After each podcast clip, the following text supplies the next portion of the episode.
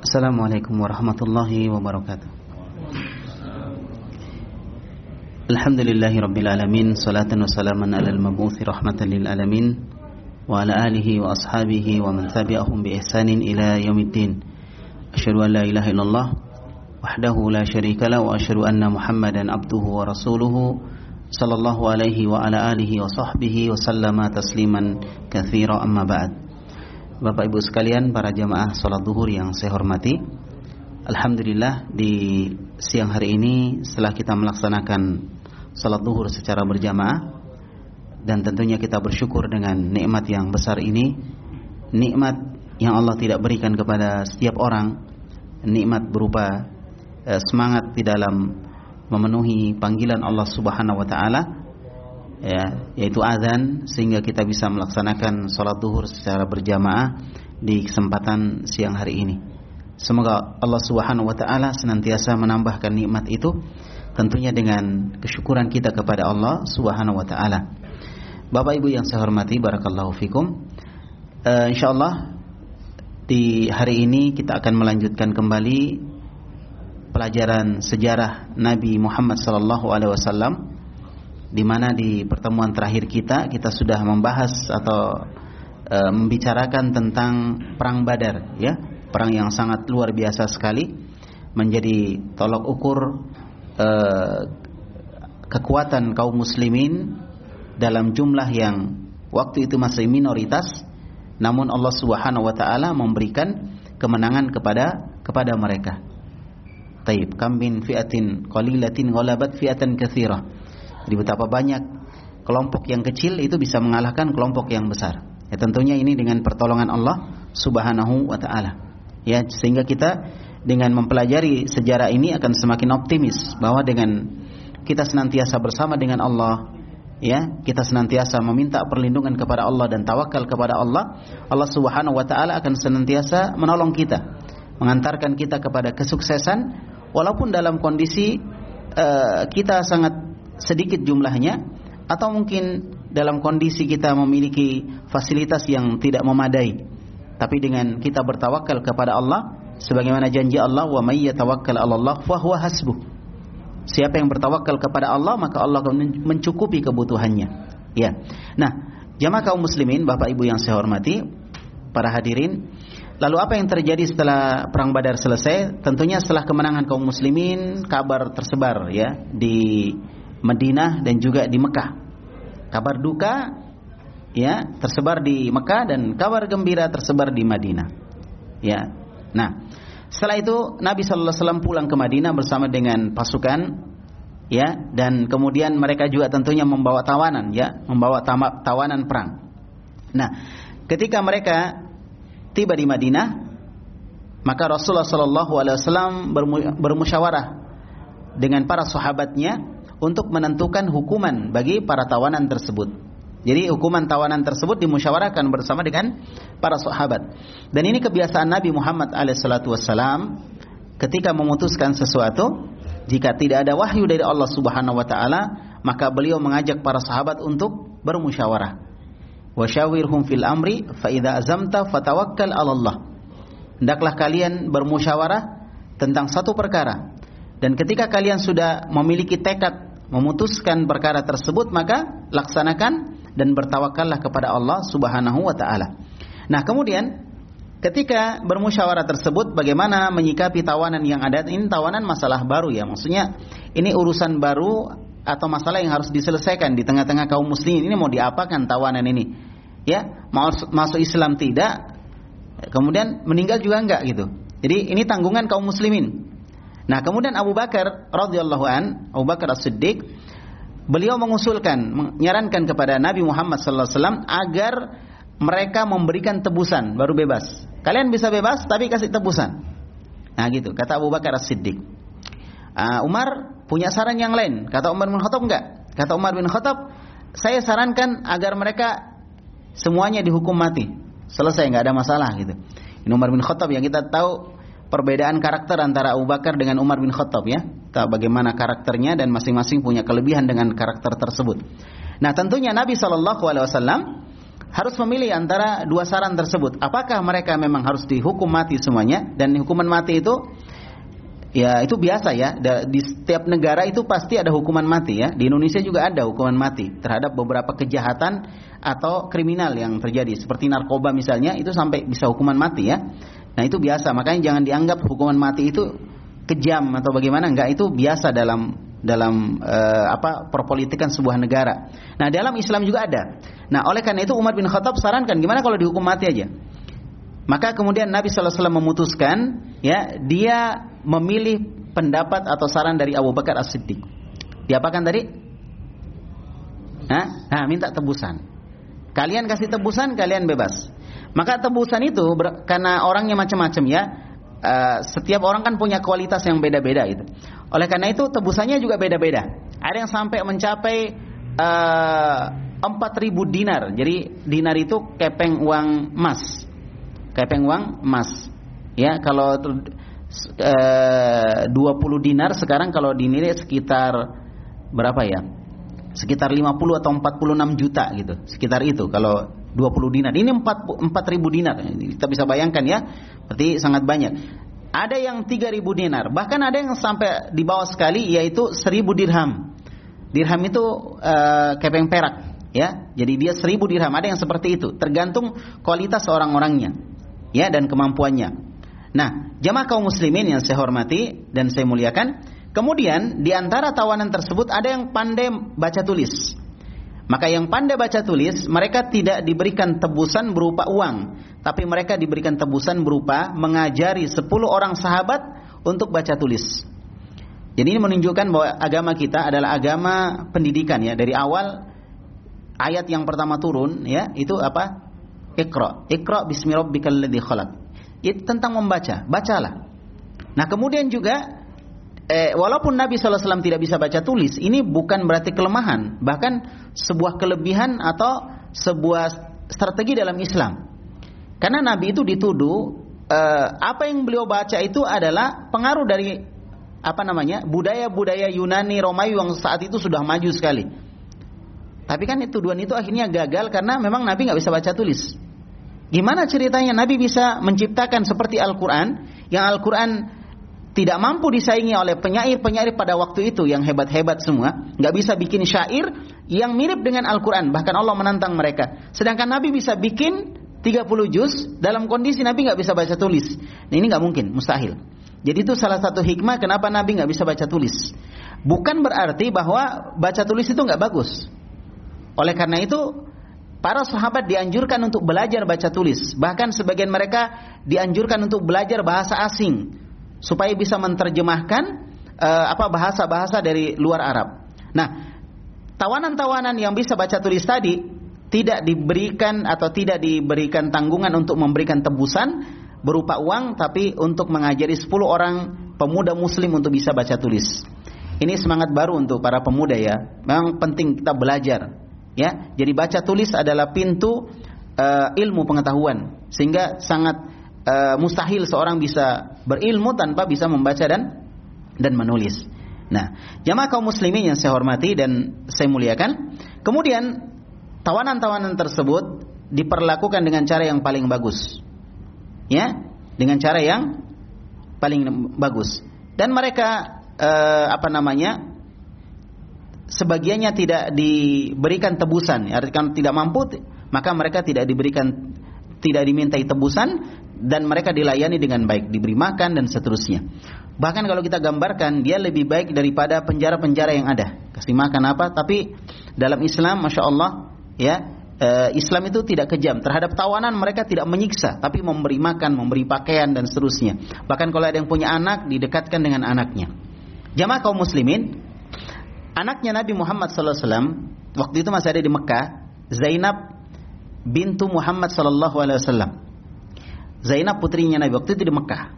Beliau nggak bisa hijrah ke Madinah karena dihalangi oleh suaminya yang waktu itu suaminya masih musyrik.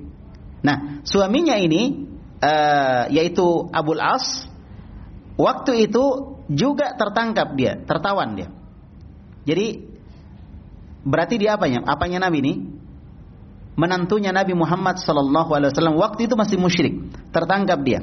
Ya. Nah, kemudian Zainab radhiyallahu anha, putri Nabi Muhammad sallallahu alaihi wasallam, uh, kemudian apa? Memberikan tebusan Nah, di antara tebusan dari Zainab tadi ada satu kalung yang kalung itu peninggalan dari ibunya Khadijah radhiyallahu anha. Ibunya sudah meninggal, meninggalkan karung diberikan kepada Zainab. Nah, kalung ini dan beberapa harta dijadikan untuk tebusan, menebus suaminya supaya dibebaskan dari tawanan Nabi Muhammad sallallahu alaihi wasallam. Padahal ini putrinya ya, putrinya sendiri, masya Allah. Jadi nggak ada apa ya, tidak ada sogok menyogok gitu, tidak ada nepotisme dan seterusnya berjalan begitu saja. Zainab pun memberikan tebusan. Nah, kemudian ketika uh, Nabi Shallallahu Alaihi Wasallam melihat tebusan dari Zainab itu ada kalung di antara kalung dari peninggalan Khadijah radhiyallahu anha, maka beliau pun merasa kasihan kepada putrinya. Maka beliau meminta izin. Jadi dia nggak memutuskan. Dia minta izin kepada sahabat yang lainnya. Wahai para sahabatku, uh, bolehkah aku bebaskan eh, apa namanya Abul As ini dari tebusan. Maka kemudian disepakati oleh sahabat, kemudian dibebaskan mereka tanpa tebusan. Namun Abul As diberikan syarat. Kalau kamu bebas dari tawanan nanti, maka kamu harus membebaskan jalan untuk Zainab supaya bisa hijrah ke Madinah. Maka disepakati itu akhirnya dibebaskanlah Abul As uh, suami dari Zainab putri Nabi Muhammad sallallahu alaihi wasallam dan kemudian Zainab pun dibebaskan untuk berhijrah ke Madinah. Jamaah kaum muslimin yang saya hormati dan saya muliakan, ada sebuah kejadian ketika perang Badar. Yaitu Utsman ibnu Affan itu nggak ikut perang Badar. Bukan berarti dia nggak mau ikut, dia mau ikut. Cuma Nabi bilang nggak usah ikut. Kenapa? Karena istri dari Utsman bin Affan dan istri Utsman bin Affan salah seorang anaknya Nabi namanya Ruqayyah. Ruqayyah ini istrinya Utsman bin Affan. Waktu itu dalam kondisi sakit. Maka Nabi Shallallahu Alaihi Wasallam memberi tahu kepada Utsman agar dia tidak ikut perang Badar. Namun dia mendapatkan bagian pahala dari perang Badar tersebut. Nah ini kaidah dalam Islam ya. Jika ada orang ingin melakukan sesuatu, satu kebaikan, lalu kemudian dia terhalang dari melakukan kebaikan tersebut karena satu perkara, maka orang itu tetap dapat pahala. Contoh, salat berjamaah. Kita mau salat berjamaah, azan misalnya. Kita datang sampai di masjid kita pikir bahwa belum di eh, apa namanya belum ditegakkan salat. Sampai di masjid ternyata salat sudah selesai. Berarti kan kita nggak bisa salat berjamaah kan? Nah, orang seperti ini dapat pahala seperti dia salat berjamaah. Makanya jangan khawatir kalau terlambat. Kalau misalnya kita datang, yakin aja bahwa mungkin sholatnya belum selesai, saya datang. Pas sampai di masjid misalnya atau di musola, ternyata sholat sudah selesai. Maka insya Allah dia dapat pahala seperti pahala orang yang sholat berjamaah di jamaah yang pertama. Ya, itu salah satu keutamaan di dalam agama kita. Nah, Utsman juga seperti itu. Mau pergi perang Badar tapi tidak di, diizinkan oleh Nabi karena satu perkara, karena Ruqayyah sakit dan Nabi memerintahkan kepada uh, Utsman ibnu Affan untuk menjaga Ruqayyah, maka kemudian uh, Utsman bin Affan taat kepada Nabi Muhammad sallallahu alaihi wasallam, maka dia pun menjaga Ruqayyah. Maka Ruqayyah ditinggalkan dalam kondisi sedang sakit. Kemudian beliau wafat. Ruqayyah wafat. Istrinya Utsman bin Affan, putrinya Nabi Muhammad wasallam wafat. Jadi kita lihat Nabi ini punya banyak masalah lah ya. Bukan cuma masalahnya perang gitu. Masalahnya di kalangan sahabat. Tapi secara pribadi, secara keluarga, beliau punya banyak masalah. Beliau punya banyak problem gitu. Jadi jangan dibayangkan Nabi itu masalahnya cuma masalah perang aja enggak. Dia urus juga keluarga dia. Tapi uh, apa ya? Masalah-masalah yang terjadi di tengah-tengah kaum muslimin itu bisa beliau selesaikan dalam kondisi beliau juga ada masalah yang harus beliau juga selesaikan. Bayangkan tadi Zainab di Mekah tertahan dia nggak bisa ke Madinah. Yang kedua, putrinya yang ya, uh, Ruqayyah sakit keras di Madinah. Setelah itu ketika dia pulang, putrinya sudah meninggal. Subhanallah, betapa seorang nabi itu cobaannya luar biasa sekali. Kita kadang baru masalah sedikit sudah mengeluh. Bahkan kadang kita berprasangka buruk kepada Allah Subhanahu wa taala. Ya, pada seorang muslim ketika ada musibah, ada masalah seperti itu, dia harus paham bahwa itu untuk mengangkat derajat dia. Semakin banyak masalah, ketika dia sabar akan diangkat derajatnya oleh Allah Subhanahu wa taala.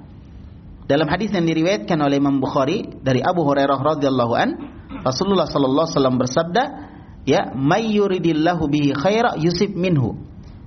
Siapa yang Allah kehendaki kebaikan, orang itu akan diuji dengan ujian. Jadi kalau ada ujian itu kita mau diangkat derajat kita oleh Allah.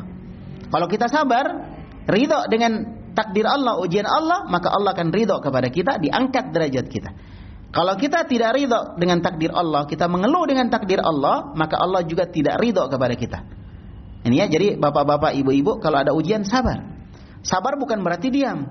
Sabar artinya berusaha menghadapi masalah dan apa pun yang terjadi dia terima dengan ikhlas masalah tersebut. Jamaah kaum muslimin, Ruqayyah anak Nabi Muhammad uh, suami dari Utsman ibnu Affan wafat. Sebelum Nabi tiba di Madinah. Ya, sebelum Nabi tiba di Madinah atau ketika Nabi pas tiba di Madinah. Ya, ketika uh, sampai berita kepada mereka tentang kemenangan kaum muslimin di Badar, maka ketika itu mereka baru saja selesai meratakan tanah kubur bagi Ruqayyah bintu Rasulullah sallallahu alaihi wasallam. Jadi Ruqayyah dikuburkan, baru saja diratakan tanahnya. Setelah itu ada kabar. Jadi Nabi belum datang, baru kabar yang sampai bahwa kaum muslimin mendapatkan kemenangan. Kaum muslimin mendapatkan kemenangan. Jamaah kaum muslimin yang saya hormati dan saya muliakan, kemudian Nabi pulang dalam kondisi anaknya sudah meninggal. E, kemudian Utsman tentunya waktu itu e, apa namanya sangat sedih ditinggalkan oleh oleh istrinya yang sangat dia cintai, putri dari Nabi Muhammad SAW. Maka Nabi melihat kesedihan tersebut, maka setelah beberapa saat, ya, maka Nabi SAW menikahkan Utsman ibnu Affan dengan putri Nabi yang lain. Siapa? Ummu Kulthum. Putri Nabi yang lain Ummu Kulthum. Ya, oleh karena itu Utsman ibnu Affan digelari dengan Zu Nurain. Orang yang memiliki dua cahaya. Maksudnya di situ adalah karena dia menikahi dua putri Nabi Muhammad sallallahu. Kalau nikah langsung sama-sama nggak boleh, dilarang dalam agama. Menikahi misalnya ada kakak adik dinikahi sama-sama, mentang-mentang punya uang panai banyak ya, nikahi semua itu nggak boleh. Jadi satu-satu. Kalau misalnya satu sudah meninggal baru bisa nikah. Ya, tapi kalau misalnya belum nggak boleh, itu dilarang dalam agama, haram hukumnya. Ya, maka Utsman bin Affan ketika meninggal e, istri yang pertamanya atau istri dari anak Nabi yaitu Ruqayyah, maka beliau dinikahkan oleh Nabi dengan anaknya yang lain yaitu Ummu Kulsum. Ya, Ummu Kulsum. Kemudian Ummu Kulsum pun hidup bersama e, siapa? Utsman bin Affan sampai tahun ke-9 Hijriah. Tahun ke-9 berarti satu tahun sebelum meninggalnya Nabi Muhammad sallallahu alaihi wasallam dan kemudian beliau meninggal di situ. Di tahun ke-9 tersebut beliau meninggal dan dikuburkan di pekuburan Baqi. Kalau kita ke Madinah ya ada Masjid Nabawi, ada sebelah kiri ya, sebelah kiri uh, itu perkuburan Baqi. Ya, itu Masya Allah kuburan para sahabat dikuburkan di situ, termasuk Utsman bin Affan. Ya, termasuk Utsman ibn Affan. Cuma kadang orang nggak tahu mana kuburan Utsman bin Affan ya, karena ditutup-tutupi sama e, pemerintah Saudi karena dikhawatirkan dijadikan sebagai tempat untuk apa mengambil berkah dan lain sebagainya yang sebenarnya dalam agama tidak boleh. Ya karena kuburan ya sama dengan kuburan yang lainnya sama. Ya ke kubur Nabi juga kita cuma mengucapkan salam. Assalamualaikum ya Rasulullah. Ya assalamualaikum ya Abu Bakar. Assalamualaikum ya Umar paling kita mengucapkan salam. Adapun e, mengusap-usap tanah gitu atau tembok-tembok sebagaimana dilakukan oleh sebagian orang maka ini nggak ada syariatnya di dalam agama kita. Untuk mendapatkan berkah dari Nabi gimana caranya? Caranya ya mengamalkan sunnah peninggalan beliau sallallahu alaihi wasallam. Salat sebagaimana Nabi salat. Puasa seperti Nabi puasa dan lain sebagainya Begitulah cara kita mendapatkan berkah dari Nabi dan berharap bahwa suatu saat nanti Nabi akan memberikan syafaatnya kepada kita dengan izin Allah Subhanahu wa taala. Bapak dan Ibu yang saya hormati, inilah beberapa peristiwa-peristiwa yang terjadi setelah perang Badar dan kita bisa melihat di sini bagaimana Nabi mendapatkan ujian yang sangat besar. Di perang Badar itu ujiannya besar karena Nabi pasukannya sedikit, musuh pasukannya banyak. Itu sudah ujian. Ruqayyah meninggal. Kemudian Zainab di Madinah. Ini ujian yang luar biasa. Oleh karena itu Nabi menyebutkan inna asyaddan nasi balaan al anbiya thumma al amsal fal amsal sesungguhnya ujian yang paling berat yang Allah berikan itu kepada para nabi. Jadi jangan dipikir ujian kita paling berat. Seakan-akan kita orang paling miskin di dunia. Gitu ya. Kita ini ujian kita biasalah ya ujian kita ini biasa. Seberat apa pun ujian kita nggak akan bisa mengalahkan ujian para nabi. Ujiannya paling berat. Thummal amthal fal amthal. Kemudian yang semisal dengan mereka para nabi, kemudian yang semisalnya lagi. Maksudnya, semakin kita mengikuti jalan para nabi, termasuk adalah Nabi Muhammad sallallahu alaihi wasallam, maka ujiannya pasti berat. Ujian pasti. Orang jadi untuk jadi orang baik ini susah, Pak. Di zaman sekarang ini. Orang jadi orang jahat itu gampang, jadi orang baik itu susah. Ujiannya luar biasa. Ucelaannya bukan cuma dari orang jahat. Kadang juga dari temannya sendiri orang-orang baik. Perlukan sholat. Jadikanlah itu sebagai penolong. Nah itu yang pertama. Kemudian yang kedua bahwa ujian-ujian yang dihadapi oleh Nabi Muhammad SAW beliau hadapi begitu saja. Beliau tidak mengeluh, beliau tidak kesedihan di dalam kesedihannya dan beliau tidak larut di dalam kesedihan ya faida farok tafansab apabila kalian telah menyelesaikan satu kegiatan maka lakukanlah kegiatan berikutnya lagi demikianlah Nabi Muhammad wasallam menghadapi ujian begitu saja bukan berarti beliau nggak sedih tentunya seorang ayah ditinggalkan oleh anaknya berpisah dengan anaknya perkara yang sangat berat bagi beliau tapi itulah kesedihan beliau uh, beliau hadapi dan kemudian beliau tawakal kepada Allah dan ini yang menjadikan beliau semakin kuat. Tawakal kepada Allah Subhanahu wa taala. Maka yang terakhir nasihat saya untuk diri saya dan juga para jamaah sekalian, ketika musibah itu datang, maka serahkan urusan kepada Allah Subhanahu wa taala. Semua urusan yang diserahkan kepada Allah, maka hasilnya pasti akan baik. Walaupun menurut kita hasilnya nggak bagus. Tapi itulah yang terbaik untuk kita. Apa pun yang datang kepada kita, maka itulah yang terbaik untuk kita. Ya, itulah yang terbaik untuk kita.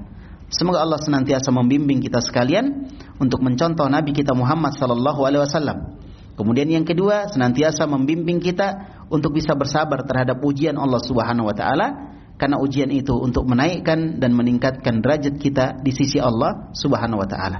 Demikian beberapa kisah yang bisa kita sampaikan di kesempatan kali ini dan insya Allah di pertemuan akan datang akan kita lanjutkan beberapa peristiwa yang terjadi setelah perang Badar. Demikian subhanakallahumma bihamdik asyhadu an la ilaha illa anta astaghfiruka wa atubu ilaik. Wassallallahu ala nabiyyina Muhammad wa ala alihi wa sahbihi wasallam. Wa akhiru da'wana alhamdulillahi rabbil alamin. Assalamualaikum warahmatullahi wabarakatuh.